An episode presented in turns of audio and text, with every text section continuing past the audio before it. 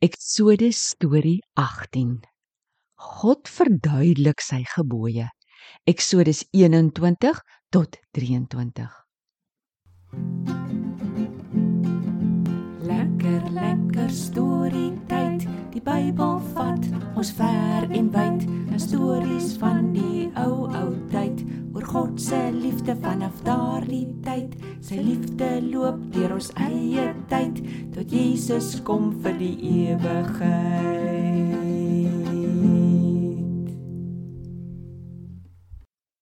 Och ja. Hoe daar die ding. Hallo Tobias. Waarmee sukkel jy? Hallo Tannie. Hoe daar die luggie.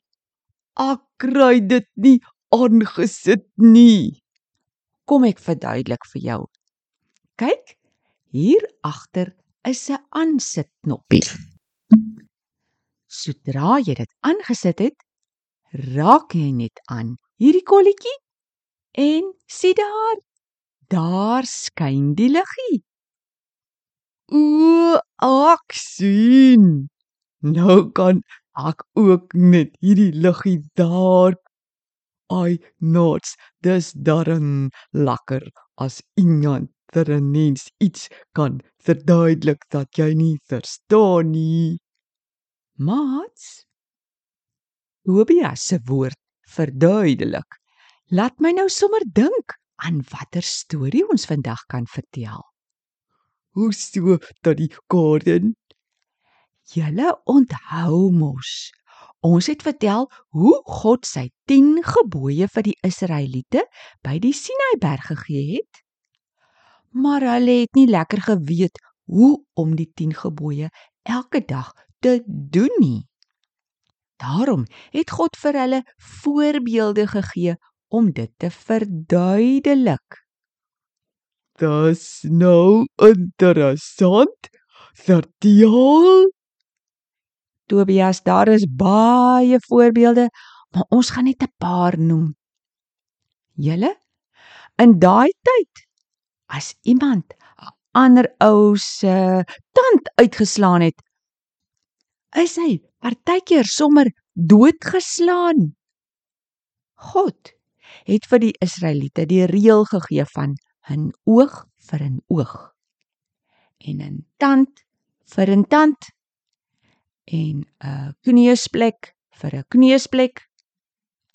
Dit was om die regters te help om oud en jonk, ryk en arm regverdig te straf.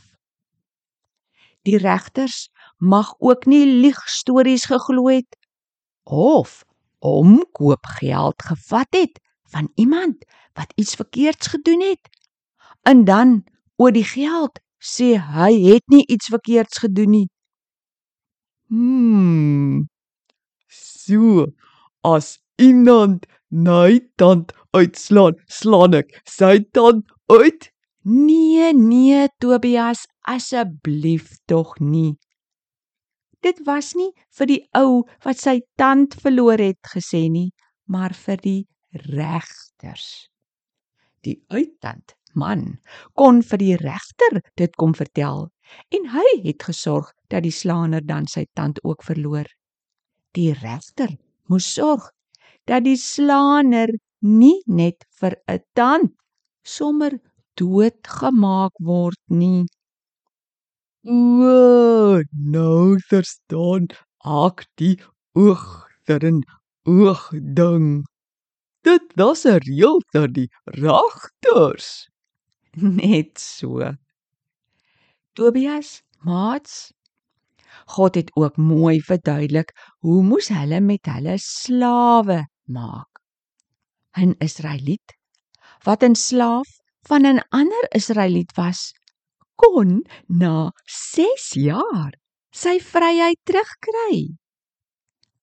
As hy nie vry wou word nie, het die eienaar 'n gaatjie in sy oor gesteek daar waar hulle die Here gedien het. En o ja, as iemand sy slaaf se tand of oog uitslaan, moes hy hom ook vrylaat. Hoi! Ooh!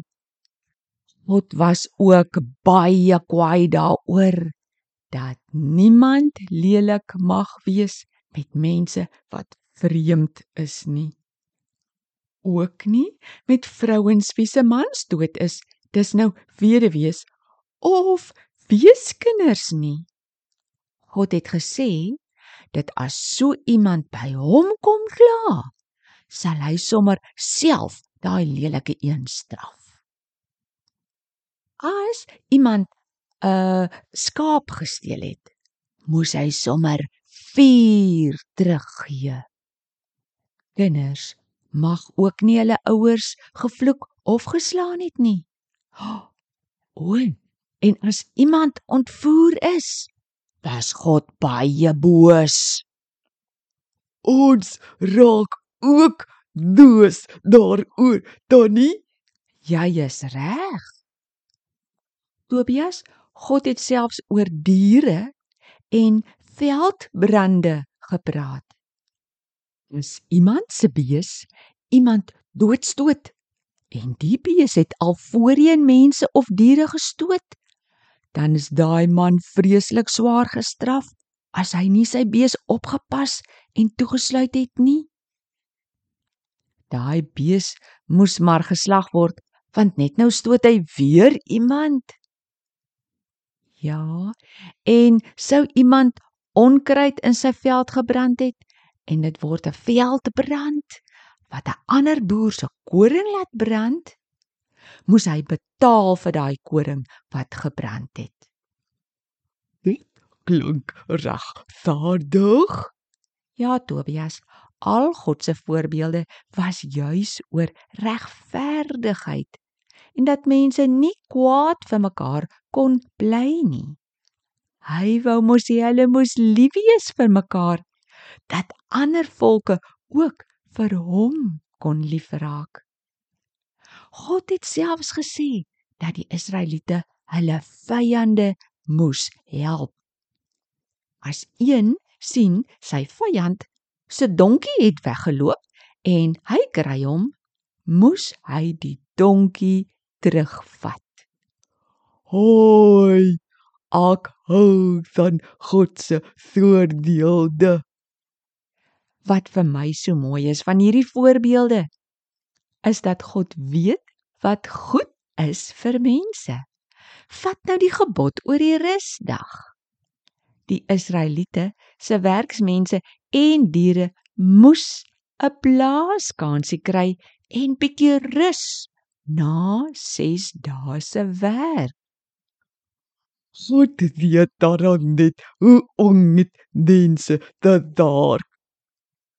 Het hy vir die Israeliete neer verduidelik hoe hulle hom ook kon lief hê? Tobias, hy het vir hulle haar fyn verduidelik hoe hulle 'n spesiale tent kon aan mekaar sit vir hom. Hulle het dit tabernakel genoem. Hy het ook verduidelik alles wat binne-in moes wees en watter feeste hulle kon hou. Feeste? Dit klink vrolik. In die volgende storie kan ons vir die maats daarvan vertel. Sjoe. Is ons deur die tyd alweer daar daai mensig. Tannie, baie dankie vir vandag se storie. Die Here se planne en reëls is net die beste. Hy sê die sanger 'n ding verniet nie. Klank Nei. Al sy voordeelde, das dat mense nooit net mekaar kon wees. Gods speel ook mooi met julle nutties en sissies hierdie week. Dan kan ander mense sien hoe wonderlik julle God is. Lekker speel. Totsiens. Dankie Tobias. Totsiens almal. thank you